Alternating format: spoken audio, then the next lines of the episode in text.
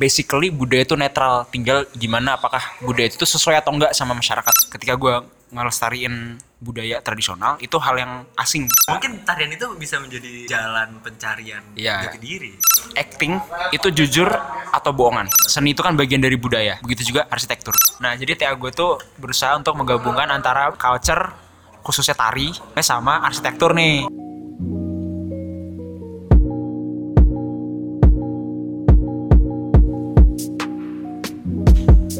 Balik lagi di podcast pecah, podcastnya manca.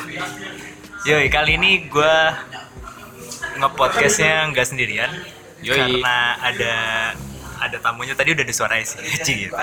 Tapi sebelumnya mohon maaf kalau ada suara orang lain yang masuk, karena ya kita podcastnya di luar di suatu tempat yang umum, tempat umum ya iyalah. Jadi ya mohon maaf apa aja. Tapi yang jelas semoga bakal seru, bakal seru lah. Langsung aja dong, kenalin dong, kenalin dong. Ada ada siapa di sini? Ada siapa di sini? Halo. Jadi gue temannya Mancah juga. Siap. Asik. Kencangan dong suaranya. Oh ya, eh, Nah, halo. yes, gitu. Cie. Oke. Ya, jadi halo teman-teman, nama gue Bobo. Terus gue temannya Mancah. Siap. Siapa lagi ya? gue nggak ngakuin lu temen lo. Oh ya udah. Oke oke, nggak masalah. Saya baru kenal sama Manca. Oke. Terus apa lagi? Udah. Asalnya dari Jakarta. Asal dari Jakarta ya. Yoi, sip. Asal dari Jakarta. Jadi eh Bowo ini teman satu jurusan ya. Iya, satu, jurusan. Benar. Bowo ini anak arsi UGM angkatan 2014. Tahun 2014. Manca anak arsi UGM tapi nggak keterima. Cik, gitu. Demi apa? Enggak, Demi apa? enggak, enggak, enggak. Gue nggak pernah mau milih arsi. kok. Iya, oke oke. Nggak pernah terpikirkan. Bagus. Bagus ya. Iya. Emang kenapa? Emang kenapa? Ya nggak apa-apa, soalnya ya tau lah asik kayak apa. Aduh, Bowo ini adalah seorang seorang apa? Lu seorang apa? Seorang ini. Seorang duta budaya UGM. Dulu dulu. Dulunya, Iya. dulunya. Itu ngapain sih du- duta budaya UGM tuh? Jadi itu dulu dari apa ya? Dari SP2KM namanya tuh. SP2KM. Gue tuh lupa itu singkatannya Singkatan- apa. Iya, Pokoknya suka- tuh suka kayak banyak singkatan-singkatan aneh. Iya, di UGM tuh gitu soalnya. Enggak di seluruh Indonesia sih. Iya bener sih. Nah itu jadi kayak SP2KM itu kayak program gitu dari UGM, Ah. kayak program kepemimpinan gitu. Oh, Nah terus anak-anak yang ikut itu harus setelah jadi kayak ada pasca acaranya gitu loh. oh, Jadi tuh lo harus bikin sesuatu sebagai bentuk dari aplikasi dari apa yang udah lo dapet di workshop itu. paham, Nah, paham.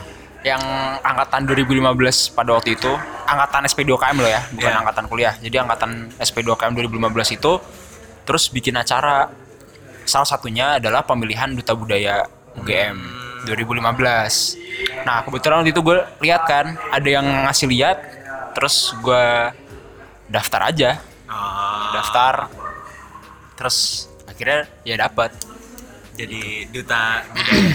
Sebenarnya itu kayak duta-dutaan doang sih. Itu Soalnya- ngapain sih Ker- kerjanya? apa? Kalau kerjanya? kerja Kerjanya. sebenarnya nggak ada kerja juga Enggak ada, maksudnya nggak ada kerjanya. sebenarnya gini sebenarnya gini Itu coy buang-buang UKT gua, Bo. ya kaget coy Enggak, enggak, enggak, gimana, gimana. jadi Bercanda, tuh bercanda. pertama kali dapet kan Hah. menang tuh dapat terus dijadiin dapat selempangnya kan biasalah Siap, siap. Kayak- gitu. Kayak kayak- ini, kayak Abang Po Jakarta. ya kayak abang noni Jakarta Abang gitu. None, Abang Po, astagfirullahaladzim. Po. Abang Po tuh Lu mah Bekasi. lu, ya, itu lu Abang Po berarti. tuh Bekasi, men. ya makanya sorry ya gua gak, gak main ke Bekasi nah jadi kalau duta budaya game tuh abis lo kemar abis gua kemarin kepilih saya udah kayak itu cuman jadi kayak ujung-ujungnya kita sendiri itu kan kayak eh, satu angkatan itu duta budaya itu ada sekitar tiga bulan orang 30-an tiga orang. bulan orang tapi cuman ber- cuman lima orang yang benar-benar kepilih jadi yang ibaratnya yang, Yang kayak dapat lempang. utamanya semuanya dapat Oh, semua dapat. tapi lima tuh yang selempangnya beda sendiri Siap.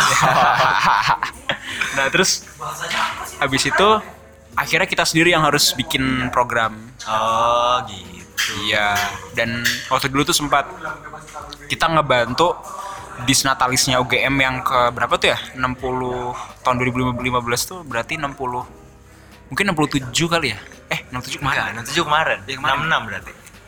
ya 66 66, 65 lah, itulah pokoknya. ya pokoknya itu kita nge- ngebantu di pagelaran wayang kulitnya waktu itu Oh, kita pakai jadi ada yang ja- jadi maskot gitu jadi pakai baju-baju wayang gitu deh buat yang belum tahu selain apa ya selain Bowo ini selain dia berkutat ya maksudnya menjadi pernah menjadi duta budaya UGM nih Bowo nih penari penari tradisional lu nari apa sih Bowo? Iya. nari apa aja Gue tuh basic basicnya nari Jawa sih coy. nari nari Jawa Iya. Aneh kan? nari Anak- Jawa oke Iya. Nari Jawa. Jadi nah anak Jakarta ya kan? Nah itu itu yang yang gue kepo tuh itu maksudnya sumpah gue tuh pas kenal lo itu itu tuh kayak pertama nama lo Bowo Emang kenapa Nobu? itu tuh nama yang Jawa banget gitu Ya oke. oke. dan muka lo cukup Jawa Ya oke. muka lo cukup cukup Jaya Jawa maksud gue ya ya apa emang sih don't judge book by its cover tapi Iya, maksud benar, gue pas gue kayak kayak ini mah kayak orang Jawa nih dari Jawa Mhm. gitu terus ternyata anak lab school Iya iya. anak lab school kan Eh, lab school mana sih Lab school kebayoran. Ah, lab school lab school kebayaran tuh bukan yang labs pro ya Labs ra- eh, bukan. Kalau labs labs itu itu, Itu yang yang labs fancy pro. Jawa. Itu yang kalau labs pro tuh punya Rawamangun. Rawamangun. Iya, kalau gue Sky Avenue. Oh, yang Sky Avenue. Oke. Yoi. Gue tahu banget anak anak pensi banget nih dulu SMA nih. Iya, iyalah. Ceritanya. Kelihatan dari muka lu.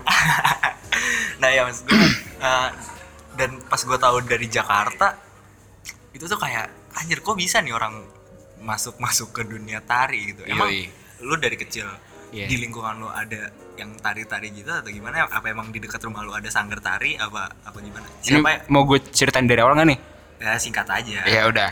Jadi intinya tuh dulu sebenarnya gue dipaksa, bro. Dipaksa. Dipaksa sama bokap nyokap gue. Siap. Bokap lu nyokap lu backgroundnya tari. Enggak juga. Enggak juga. Oke. Iya, ini makanya nih gue ceritain intinya nih. Jadi dulu nyokap gue sekolah di luar kan, di Amerika. Oh, Oke. S2. Terus pas dia pertama kali masuk itu disambut sama tari Jawa, coy. Oh. Tapi yang nari orang-orang bule. Pas ke Amerika. Iya, pas di Amerika. Wow. Dan ternyata it turns out di sana tuh ada fakultas khusus budaya Jawa.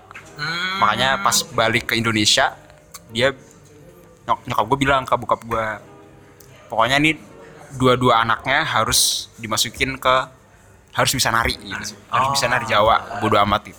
Tapi emang basically bokap nyokap gue tuh dulunya pas masih kecil nari, Ah. sampai SMP apa SMA gitu masih nari. Oh, paham gue, paham. Dari situ itu gue akhirnya dipaksa nari kelas 3 SD coy, Kelas 3 SD itu Kelas 3 mulai SD. perta- perkenalan lu dengan dunia tari Jawa. yang ha yang secara serius. Nah itu awalnya gue masih underground lah ibaratnya. Underground. Eh, Iya, iya. Maksudnya? Jadi tuh gue nggak, gue malu Oh, oke. jujur Iya. gue malu dulu Nah, tuh kalau di apa ya kalau gue tahu ada temen sekolah yang ngelihat gue nari itu gue malu gitu loh Oh, takut iya, paham, paham. takut, takut, di takut dikira nggak gimana gitu ya. takut kayak dicak-cakin gitu Iya, lah iya, iya. gitu nah terus Tahu lah bocah mulutnya. ya terus gue mulai santai pas zaman zamannya SMP dan SMP itu gue pertama kali ikut misi budaya Kemana tuh? ke Turki Wow.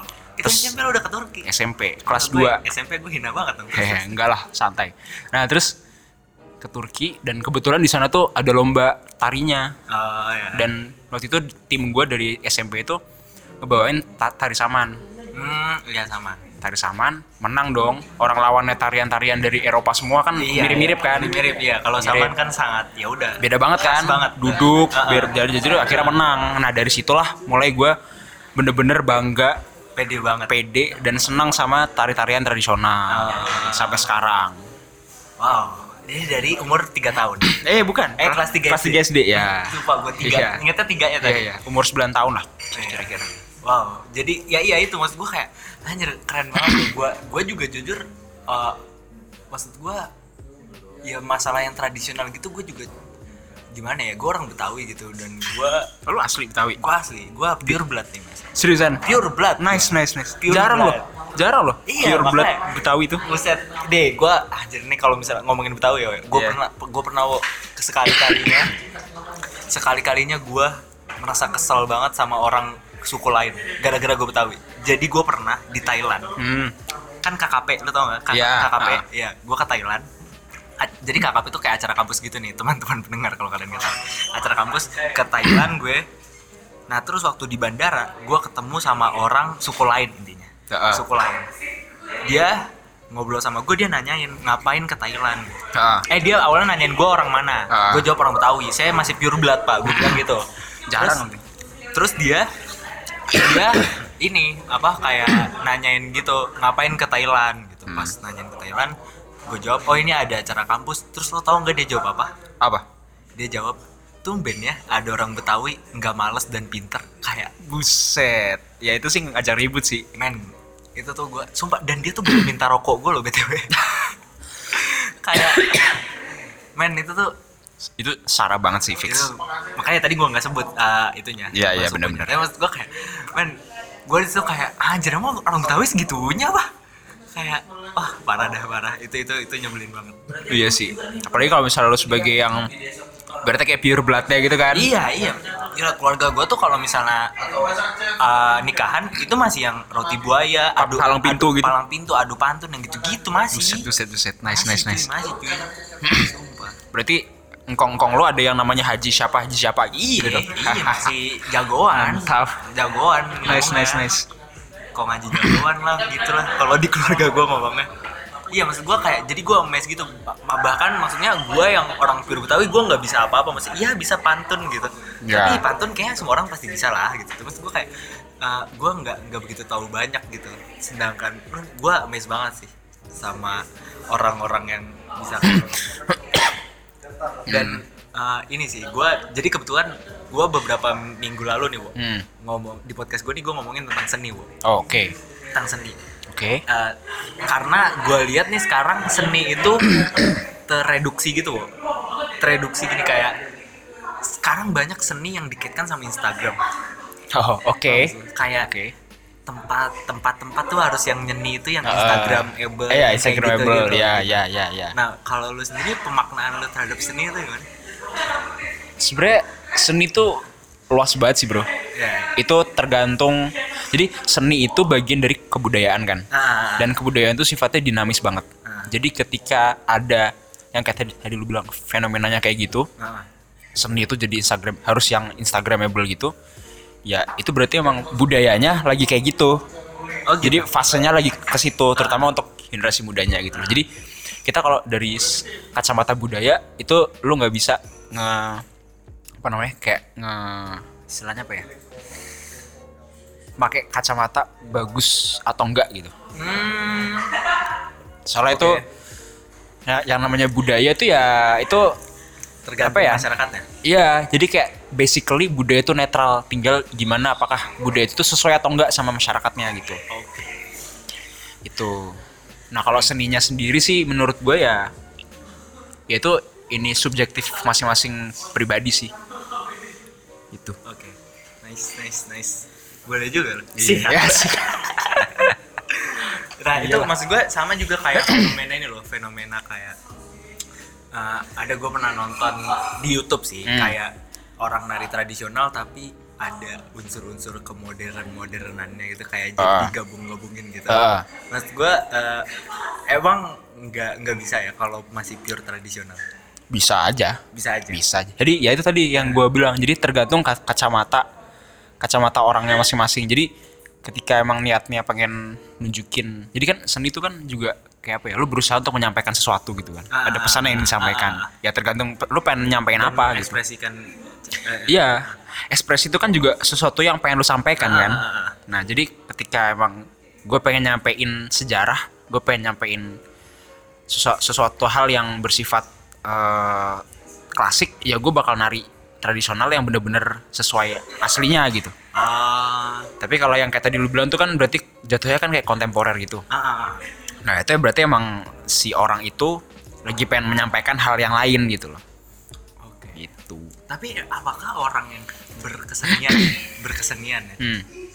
eh, selalu punya hal yang ingin disampaikan? Enggak, ah, mungkin nggak sih orang yang berkesenian ya udah gue mau gini aja. Ya, Bisa pasti nggak? Bisa nggak? Atau, atau at- menurut lu gimana? biasanya kan ketika orang ngelakuin suatu hal yang ketika orang berseni ibaratnya gitu ya Ah, berkesenian, ya bersenian berseni, berseni nyeni. ya pokoknya ngelakuin seni gitu lah pasti kan ada dorongan Oke. dari hatinya Ah, nah dorongan itulah yang, yang merupakan yang harusnya eh, men- bertransformasi gitu. ya itu jadi outputnya. dorongan itulah yang jadi pesan yang ingin dia sampaikan Oh, oke. serandom apapun itu orang pasti ada dorongan nah dorongan itu seabstrak apapun itu itu adalah pesan yang ingin dia sampaikan gitu Nah, kalau lu sekarang Asik, asik. Oh jadi gitu, lu nyetirnya Iya, gitu ya? bridging-nya Iya iya iya gitu. oke oke Emang oke. gua oke. tahu. Iya iya iya. Bohong banget. Ya, Terus Oke. gua lu sampai sekarang eh, maksudnya lu kemarin baru nari gak sih? Malam Iya kemarin. kemarin kemarin banget. Iya. Ada job di UII di atas. Iya, pada job. Nah. Nah, iya. Lu sekarang nari lu. apa Kalau gue sih yang biasa yang ingin lu sampaikan? ya tergantung ininya sih. Ter- apa namanya seni kan juga tergantung di mana di mana itu disampaikan gitu. Oke. Oh iya iya betul. Ya jadi kalau ya biasanya kalau gue kan emang gue setianya sama yang tradisional nih. Setianya. Hmm, Iya. soalnya anaknya setia banget ya? nih. Iya dong. Soalnya ya sebagai ba- basically gue bersyukur sebagai dilahirkan di Jakarta gitu. Kan besarnya juga di Jakarta. Ya ketika gue ngelestariin budaya tradisional itu hal yang asing. Oh, wah. Iya kan? Sama Jadi- kayak podcast ini asing. nah tapi Pede Justru- banget gua. Terus- makanya. tapi gue berusaha untuk eh, bikin ini tuh nggak main eh, ini menjadi mainstream di teman-teman gue yang di Jakarta gitu. lu berusaha membuat kesenian yang tradisional ini jadi mainstream, di oke. Jakarta ya. Kalau pas gua di Jogja sini banyak Banyak teman-teman banget kan, eh, banyak- banyak banyak banget kan. teman-teman yang Nah. juga bisa jago nari dan segala macam gitu loh. Dan bahkan mungkin mereka sendiri yang di sini tuh udah merambah ke yang kontemporer. Eh, eh, eh. Sedangkan gue pribadi tuh masih yang tradisional. Mungkin mereka bingung kayak lu ngapain sih kok stay ke Masih, tradisional gitu eh. kan. Ya soalnya di Jakarta tuh ini yang Iya, Itu asing yang gitu. jarang. Iya, Yang makanya jarang. Oke. gitu jadi ya pesan yang ingin gue sampaikan di ini tuh ya bahwa eh, masyarakat terutama sih ke generasi muda Ah. itu apa ya kayak harus ngerti jati dirinya sendiri gitu Siap. asik asik gak sih gue Harus itu ya. eh, s- s- memahami diri dulu ya. ya jadi memahami diri memahami sejarahnya pribadi gitu itu Oke. sih basically sesimpel itu sih Siap, siap. Hanya dalam juga lu buat ternyata. iya iyalah Kayak gua nggak bisa masuk ke dunia tari itu. Gue nggak paham diri gua apa. asik asik Enggak kan Enggak. pencarian orang kan ma- Oh beda-beda iya, mungkin tarian itu bisa menjadi itu ya, eh, jalan pencarian Iya. jati diri. kalau buat gue sih ya Oh iya, ya iya bagaimana? ya Dengan cara apa? Tarian menjadi membuat lu menemukan lu. jadi Apa sih membuat lu ya menemukan lu? Ya lu paham lah. jadi tari itu prosesnya sama kayak teater sebenarnya ada kemiripannya jadi Apa? kalau di teater itu kan kita diajarin untuk bisa berempati kan Hmm, ketika kita acting jadi kalau menurut lo nih ya ini gue nanya nih sama lo Iya, nggak apa-apa. Lu boleh juga, acting, gua iya, iya, iya, nanya sama iya. gua, beneran. acting itu jujur atau bohongan Acting. Hmm. Acting bohongan dong. Kan dia act, act. it's an act. sebenarnya nah ini persepsinya sebenarnya salah Oh, gue salah nih. Iya. Bodoh banget ya. Ya, enggak lah santai itu Gimana? kan? orang awam juga pasti bakalnya jawab gitu Iya. jadi acting itu sebenarnya lu jujur Tapi kenapa jujur kenapa? karena lu nggak bakal mungkin bisa ngeekspresiin rasa pahit kalau lu nggak membayangkan diri lu tuh bener-bener lagi makan sesuatu yang pahit ngerti nggak? Oke.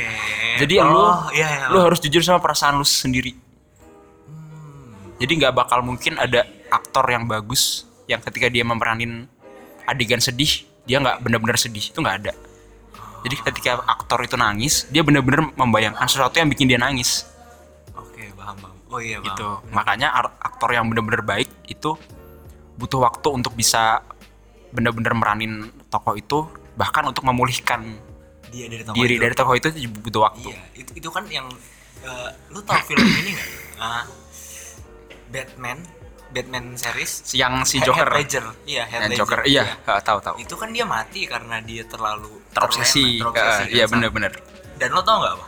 apa Itu tuh ad- jadi yang bikin filmnya kan namanya Christopher Nolan, oh ya produsernya. Ah. Eh, director ya? Director apa produser itu namanya? Director. Directornya. si Nolan ini, dia tuh bik- minta maaf loh sama keluarganya Heath Ledger Hmm. dengan film yang lain. Lo tau nggak film apa? apa Film Inception. hmm tapi gue nih belum nonton jadi sih. kalau lu non- kalau nonton film Inception itu tuh sebenarnya basically permintaan maaf si Nolan ke keluarganya ke keluarganya Heath Ledger jadi di film itu si per- si tokoh utamanya Hmm.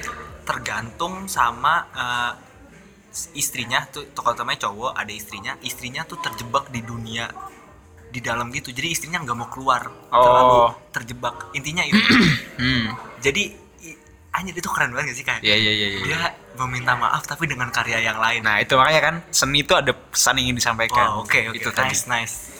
Itu tadi. Boleh juga nih, boleh juga. nih. Iya iya. Gitu Siap, siap. Nice nice nice.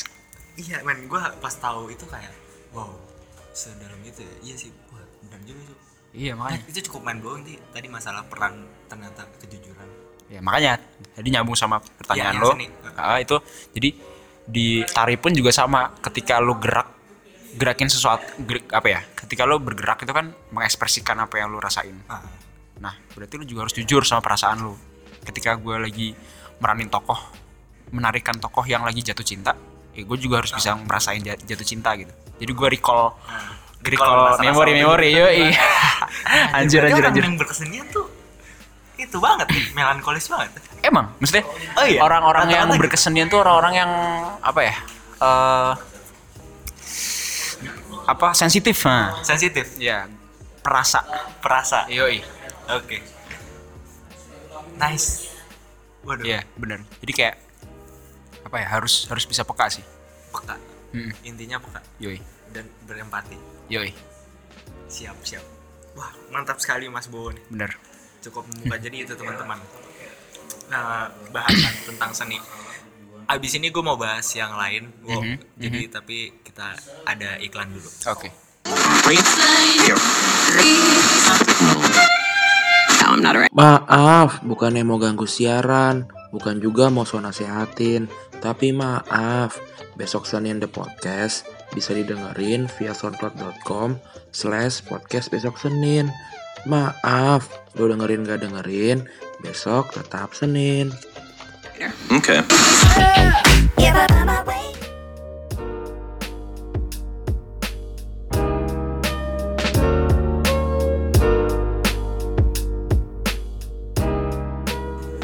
Yo, baik lagi di podcast pecah. Tadi udah dengerin iklannya kan.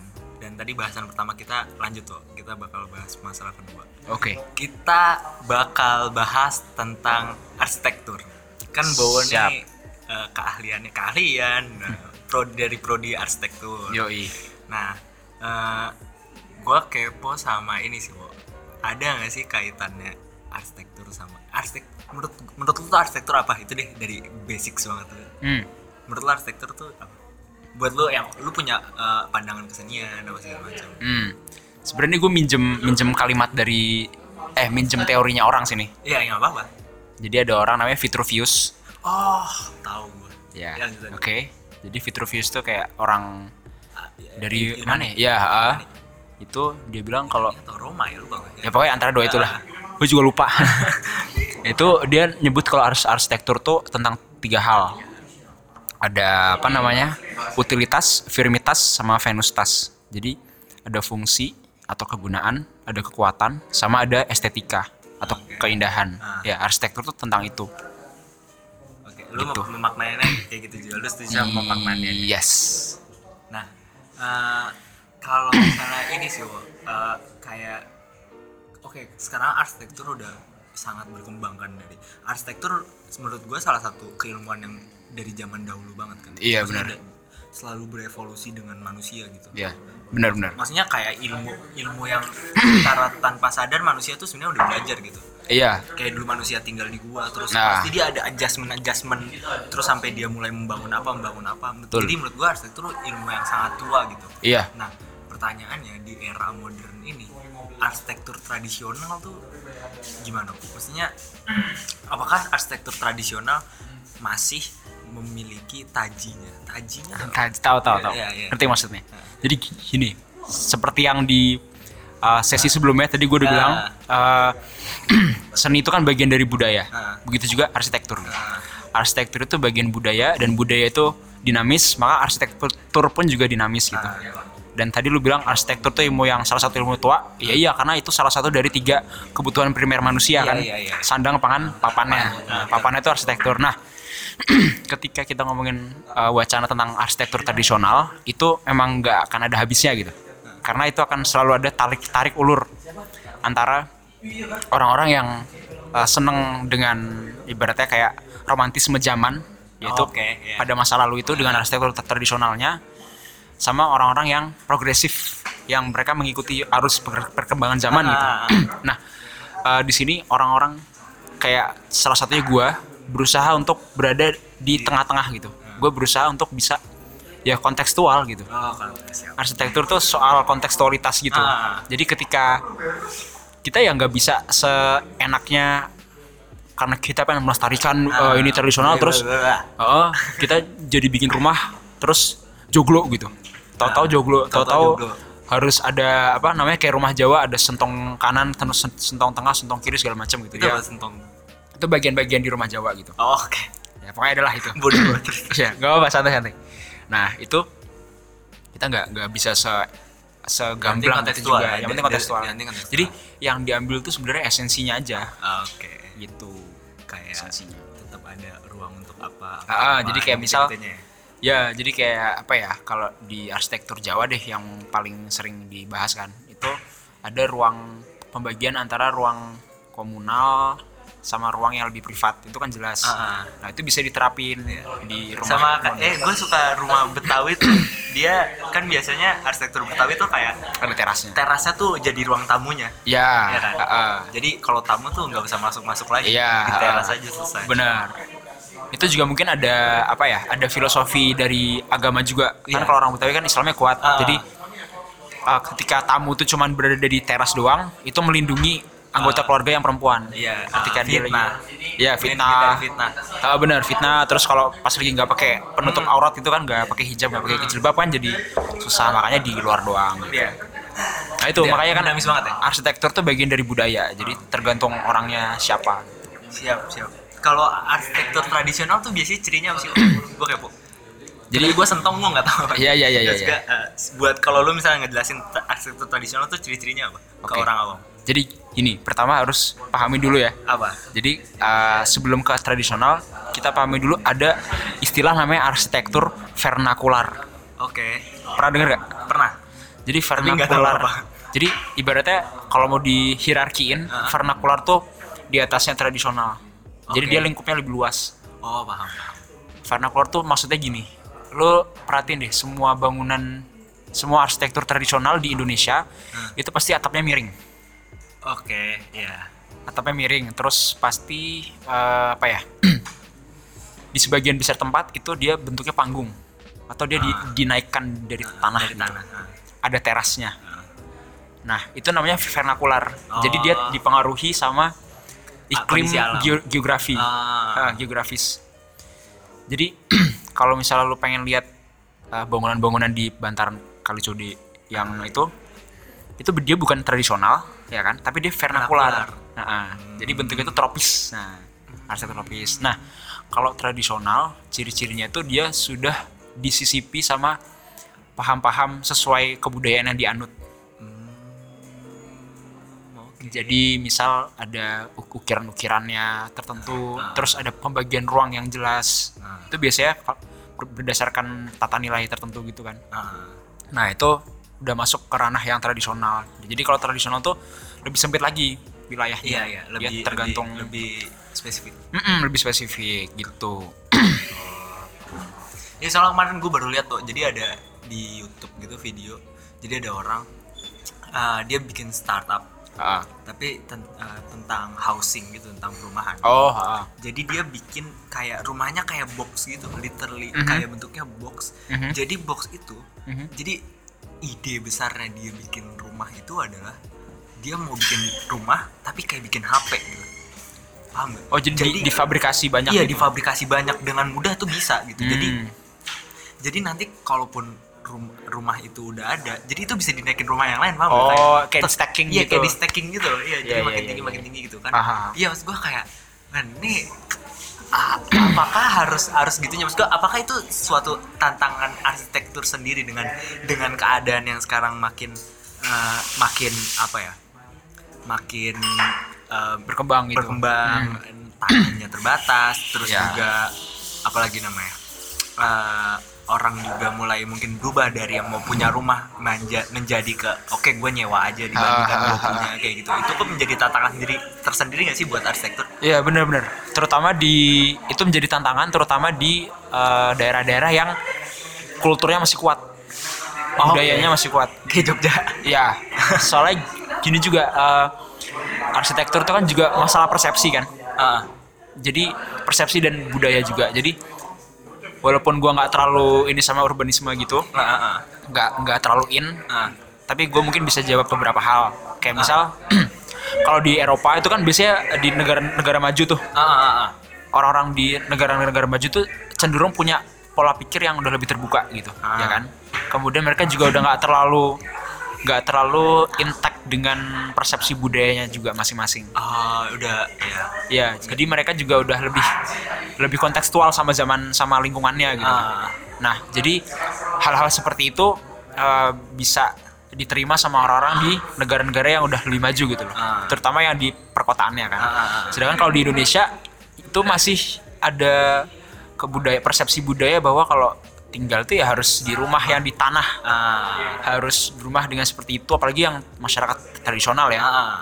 harus rumah itu pasti posisinya tuh dapur di belakang, Ah, ah. ruang tamu di depan gitu kan. Pokoknya yang jelek-jelek tuh di belakang. Belakang. Ah, Itu kan masih sangat tradisional banget. Jadi untuk untuk dimasuki dengan paham-paham arsitektur yang seperti tadi ada rumah di susun-susun Iya. prefabrikasi Ah, itu kan apa ya kayak tidak mem- tidak menggubris kebudayaan masyarakat yang menggunakannya. Ah, ah, Nah, itu nanti bisa jadi konflik. ah. Salah satu contohnya yang jelas di Jogja nih, lu tahu rumah Teletabis gak? Rumah Teletubbies. Oh, Oke, iya yang yang di Ma- eh, Magelang.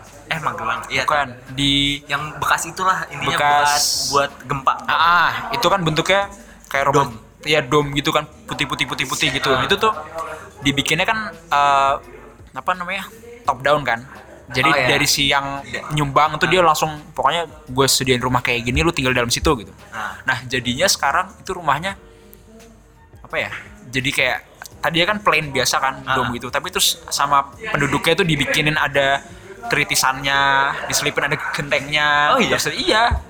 ya karena itu tuh ada perbenturan antara culture-nya orang sama Ah. ya itu fabrikasi arsitektur itu. Iya. Soalnya kalau misalnya secara secara keamanan itu lebih aman kan kalau buat daerah gempa. Bagaimana? Sebenarnya ya secara Ah. struktur iya, Iya, tapi secara secara arsitektur kan gak cuma soal Iya, iya. eh, itu struktur itu kan. Tapi tadi karena top down itu kan. Iya, makanya. Enggak enggak Jadi- melihat masyarakat gimana. Benar, gitu. Nice. Mantap. Ya, enak ya mantap. kalau misalnya masih satu frekuensi, satu ilmu tuh masih Iya, masih masih nyambung masih nyambung. Nyambungnya gampang iya, nyambungnya gampang. iya itu itu ya itu tadi gue gue jadi penasarannya kayak men gila rumah dipabrikin kayak gue punya pabrik nih pabrik apa pabrik, pabrik rumah iya, makanya. Tapi ya itu makanya mau nggak mau mungkin ya, mungkin Indonesia masa depan pun akan seperti itu. iya itu makanya menurut gue eh, ada faktor di Indonesia juga transisi sih maksudnya kayak Benar. kita masih ada ya menurut gue kalau milenial mungkin bi- masih bisa menerima ya mungkin Iya, nggak tahu ha-ha. gimana sih tapi Atau eh, mungkin generasi yang benar-benar setelah iya, setelah kita nanti. kita nanti bisa bisa benar-benar menerima Mm-mm. kondisi-kondisi kayak gitu sih Iya, iya. tapi menurut gue emang penting juga sih maksud gue eh, kalau dari sisi urbanisme tuh kayak kayak emang eh, faktanya emang ada kebutuhan-kebutuhan kayak gitu oke lahan terbatas apa segala macam bla bla bla tapi gimana jalan tengahnya itu loh kayak Ya. misalnya oke bagian kota nggak apa-apa lo tinggiin semuanya tapi gimana caranya desa tetap jadi desa Ya, Benar, benar, benar. Benar jadi banget. biarinnya kota nggak apa-apa kota kayak gitu tapi Iya. desa biar tetap jadi desa Benar, gitu. benar. bodo amat kota mau 30 lantai berapa puluh Iya, lantai iya. nggak apa-apa tapi yang di Ah. desa tetap menja- kehidupan desa itu sih Benar-benar. integrasi kota desanya yang penting Mm-mm. Nah, itu juga kebetulan nih yang TA gua Iya, itu gimana tuh ada TA lu? hubungannya sama desa juga. gimana tuh gimana teh alun tentang apa sih emang Nah, jadi TA gue tuh berusaha untuk menggabungkan antara culture khususnya tari tadi yang udah kita bahas sebelumnya sama arsitektur nih. oh iya, ya jadi ada hubungannya tari sama arsitek Ada Tuh, dong. arsitek. Ada ada ada. Ada lah. gimana tuh apa Tuh, jadi basically gue tuh lagi ngedesain sebuah kawasan. kawasan Kawasan kawasan kesenian. oke Nah, keseniannya spesifik. Kesenian topeng Malangan. topeng Malangan Iya, itu di desa desanya namanya Desa Jambuwer di Kabupaten Malang. oke Nah, basically gue prihatin sama sanggar di sana yang maestronya masih hidup nih, masih ada. maestro Iya, senimannya iya yang sepuhnya itu masih Sebelumnya ada, masih ada tapi secara apa ya pelaksanaan sanggar itu mereka nggak berkembang tuh loh. Hmm. Kayak latihan nggak rutin, segala macam segala macam. Jadi kayak peminatnya masih kecil banget. gitu. Ah. Nah, jadi gue basically pengen bikin gimana caranya mereka tuh bisa berkembang gitu. oh. Makanya terus gue bikin desain kawasan kesenian yang bertujuan untuk ngebikin supaya kualitas ruangnya tuh makin bagus supaya banyak orang yang Orang yang tertarik. tertarik. Ya, gitu. Nah, tapi tantangannya adalah gimana caranya bisa ngedevelop desa itu supaya nggak terlalu urban banget gitu. Ah, Itu yang menjadi tantangan yang yang selalu diwanti-wanti sama dosen pembimbing gua untuk inget ya, ini di desa loh, bukan di Iya, Bukan di kota. bukan di kota. Jadi hati-hati. Padahal selama ini kan kita kalau belajar kan pasti selalu belajarnya yang tentang tentang kota kota dan urbanisme gitu Ah. kan. Jadi pas gua ngedesain awal-awal tuh memang sangat kota ya kayak urban banget gitu loh, Iya. kayak gue bikin public space, Iya, terus iya. gue bikin apa? Bikin pedestrian gitu Iya. kayak kayak buat apa di iya, kampung makanya terus Ya, dikasih tahu kan sama dosen gue hati-hati gini gini ini dan terus awal pada akhirnya gue mikir ya juga ya ngapain di desa ada public space, iya, ada ada, pedestrian. pedestrian, gitu. Terus bahkan ada satu info yang menurut gue juga menarik bahwa waktu itu Pak Didi, Ah. jadi Pak Didi itu dosen kita, dosen apa namanya yang maestro maestro kita ya? Ah, maestro kita di landscape gitu. Heeh. Dia bilang bahkan sekarang uh, ilmu-ilmu di barat itu sedang mencontoh sudah mulai mencontoh uh, karifan-karifan lokal di Asia. oh Contoh kayak misal soal space tadi itu yang di desa ah. um, udah bukan lagi jalan yang dibagi antara jalan mobil, vehicle sama yang pedestrian, Iya, tapi shared space gitu. Iya, jadi eh, paham, paham. Iya kan? Jadi eh, si jalan juga menjadi suatu ruang yang bisa digunakan lagi. Ah. Bener, jadi jalan sebagai public space. Nah, itu tuh sebenarnya udah desa banget gitu. Iya, itu kampung. Makanya, Jadi jadi kalau lihat aja di kampung kan kalau ada a- a- ada nikahan, ada sunatan pasti ke jalan-jalan dan Bener. itu itu bukan jalan bagi mereka itu it's a Public space. Iya, persepsi mereka tuh udah beda gitu. Bener. Nah, gitu Beda makanya. sama orang kota. Oh, makanya di situ akhirnya gue bikin ya gue berusaha untuk bikin ruangnya itu bener-bener masih asli kayak desa tapi dibikin kualitasnya aja Kualitasnya lebih baik aja ya. gitu. Nice. Itu Itu, sih. ah, di, oh di Malang tadi. Di Malang, di Malang. Itu tarinya kayak gimana BTW? Ngomongin tari lagi nih. Ya nggak apa-apa, nggak apa-apa. Jadi oh ya, mungkin gue sa- jelasin juga kenapa gue ngambilnya topiknya topeng Malang ya. Iya, itu makanya. Ya, jadi basically sebelum ke topengnya, gue pengen ke intinya c- ceritanya. Cerita jadi apa? topeng Cerita- Eh, jadi kesenian topeng itu menceritakan sebuah Oh, iya, lakon. paham, paham, paham, paham. Ibarat kalau wayang tuh nyeritain Ramayana sama Mahabharata. Ah. Nah, kalau topeng Malang ini menceritakan cerita namanya cerita Panji. Panji. Panji Panji. Waksono. Bukan. Oh, bukan. bukan beda, gitu. beda. Emang Panji Panji itu mainstream banget sih namanya. Tapi basically Panji itu ibaratnya Mahabharata sama Ramayananya Indonesia. Oh, Jadi itu asli. Oh, ada. Ada, itu Oke. asli dari Indonesia. Kalau Mahabharata itu kan dari Ramayana, India. India kan. Ah. Iya. Nah, kalau ini tuh asli dari Indonesia, persisnya dari Jawa Timur. Jadi Ah. zaman dulu ada dua kerajaan. Kalau lu masih ingat sejarah tuh ada kerajaan Kediri sama Jenggala. Oh, iya iya iya iya. Terus mereka ribut. Ya, itu kan pecah jadi dua itu. Ah. Awalnya kan satu, terus pecah Ah. dua. Nah, terus konflik gitu kan. Nah, Nah, pada zaman dulu si para ibaratnya kayak maestro-maestro sastranya itu, Ah. pujangga-pujangganya itu prihatin sama keadaan itu. sama oh ya karena mereka dulunya satu terus sekarang malah Hmm. ribut gitu kan. Nah, makanya mereka bikin sebuah karya sastra yang berisi eh, keadaan ideal dari kedua kerajaan itu. Makanya terciptalah cerita Panji itu. Jadi cerita Panji itu kayak Romeo dan Juliet. Paham gue. ah. Jadi ada Panji sebagai tokoh utama sama yang ceweknya Dewi Sekartaji atau Chandra Kirana. oh, i- oh dari situ nama-nama Chandra Kirana itu. Iya, Galuh Chandra Kirana tuh dari dari situ. Nah, cerita Panji ini dia tuh menyebarnya luas. Dia dia, dia berkembang pas zamannya Majapahit, coy. Oh, oke. Dan itu sampai ke Thailand. Oh iya. Iya, Wow. di Thailand itu cerita Panji dikenal dengan nama Inau. Inau. Inau. Jadi Inau tuh dari penyebutan lokalnya mereka dari nama Panji Inu Kertopati. Inunya itu. Hmm, jadi Inunya, Inau. Dia ngambilnya Inunya Inau, bukan ah, Panjinya. bukan. Nah, itu dan di s- seluruh hampir di semua sebagian besar eh, daerah di Indonesia itu punya eh, apa kebudayaan-kebudayaan yang berdasarkan Kan cerita cerita Panji, Panji, itu. ya. Ah, ah. Dan bahkan cerita-cerita rakyat. Kayak lu pernah denger ini kan Keong Mas, Oh, Oke, Mas. Ah. Andi Andi Lumut. ah, ah. Nah, itu juga berdasarkan dari cerita Panji juga sebenarnya Oh, turunannya kan. turunannya.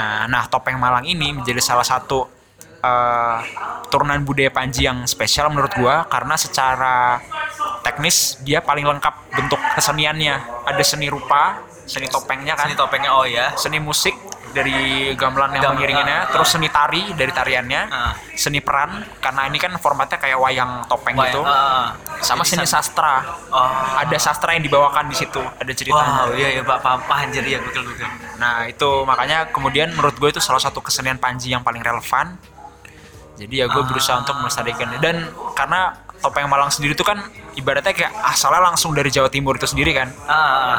Jadi menurut gue yang paling relevan, paling mendekati dengan original ya? originalnya Ah, gitu. ah. Makanya gue ke arah situ. Wow, Gitu. mantap sih. Yoi. Gokil gokil, baru tahu gue. Ya makanya banyak sebenarnya yang bisa digali dari situ. Wow. Itu men, itu pentingnya kita memahami diri kita sendiri Yoi. sebelum Enggak maksud gue karena gini, Wak, karena banyak dari kita yang eh, yang eh, ya mungkin gue juga gitu ya. eh, lupa gitu loh eh, root kita tuh dari mana gitu. Ya benar. dan pun itu pun nggak bisa disalahkan nggak nggak bisa menurut gua menurut gua nih itu nggak bisa disalahkan dari kita sendiri Iya, benar, karena emang benar, benar. aksesnya juga sedikit banget Betul. aksesnya sedikit banget Betul, betul. aksesnya sedikit banget jadi kalau menurut gua kalau misalnya kebanggaan akan budaya kita sendiri kebanggaan akan negara kita sendiri atau apapun itu itu tuh nggak bisa nggak selalu bisa nggak bo- nggak menurut gua kurang baik ketika disalahkannya kepada masyarakatnya sekarang kita dikenalin nggak gitu Betul Ap- apakah sekali. setara dengan apa yang dikenalin dari luar Iya. dibandingkan apa yang punya kita sendiri Ha. gitu. Nah makanya dalam hal ini gue nggak terlalu apa ya, gue nggak terlalu pesimis sama generasi generasi mudanya gitu. Ah. Karena ya itu basically itu nggak 100% salah kita. Ah, ah, ah, ah. Ketika banyak kalau misalnya kalian juga pernah denger ah generasi muda zaman sekarang udah nggak ini sama budaya bla bla bla Ah. gitu ya sebenarnya itu bukan 100% salah kita. Ah, ah.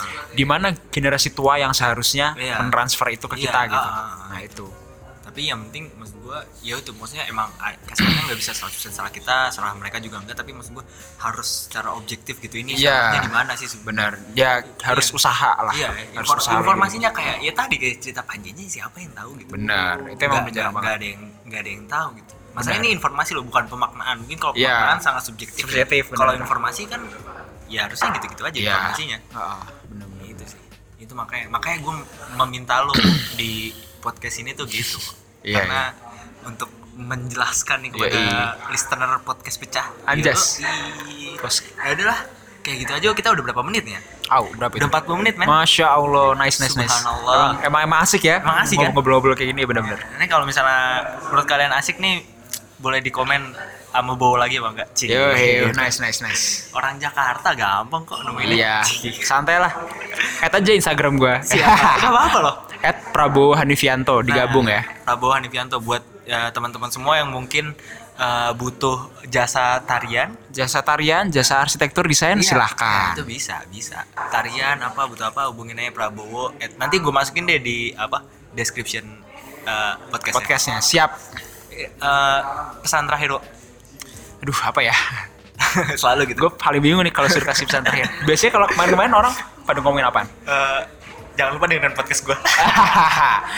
Duh, aduh apa ya? enggak enggak Eh. ya apapun gini aja deh em, eh, orang Indonesia eh sorry orang Indonesia lagi bangsa Indonesia itu nggak bakalan mencapai puncak kejayaannya kalau masyarakatnya belum cerdas sama belum memahami jati dirinya sendiri itu aja sih jadi mumpung lu masih muda nih mumpung lu semua masih muda lu jangan lupa untuk pelajari siapa diri lu sebenarnya gitu dan kalau bisa jangan cuman sampai taraf lu bangga sama Indonesia tapi sampailah ke taraf dimana lu bersyukur menjadi bagian dari keluarga besar Indonesia gila itu betul betul betul, betul setuju banget gua sampai tahap bersyukur ya iya bukan bangga lagi tapi bersyukur udah udah di tahap ber- itu men Yo, itu, iya. itu itu itu pr pr banget men sampai soalnya kalau cuman sampai tahap bangga dulu bisa jadi kayak fanatik doang gitu loh ah, ketika ada orang yang menghina-hina Indonesia lu nah, ah, gampang-gampang marah gitu ah, nah itu itu maksud gua aduh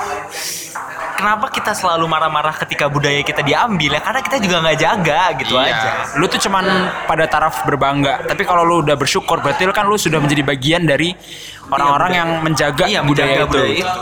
itu, nice terima kasih mas Bowo Yoi, thank you juga Cah udah kasih kesempatan buat gue untuk sharing-sharing nih, asik banget. Siap, siap, siap. Pengalaman pertama juga. Siap. aja. Ya udah kayak gitu aja ya. Terima kasih sampai ketemu minggu depan dan salam pecah. Kalau nggak seru pecahin aja. Bye.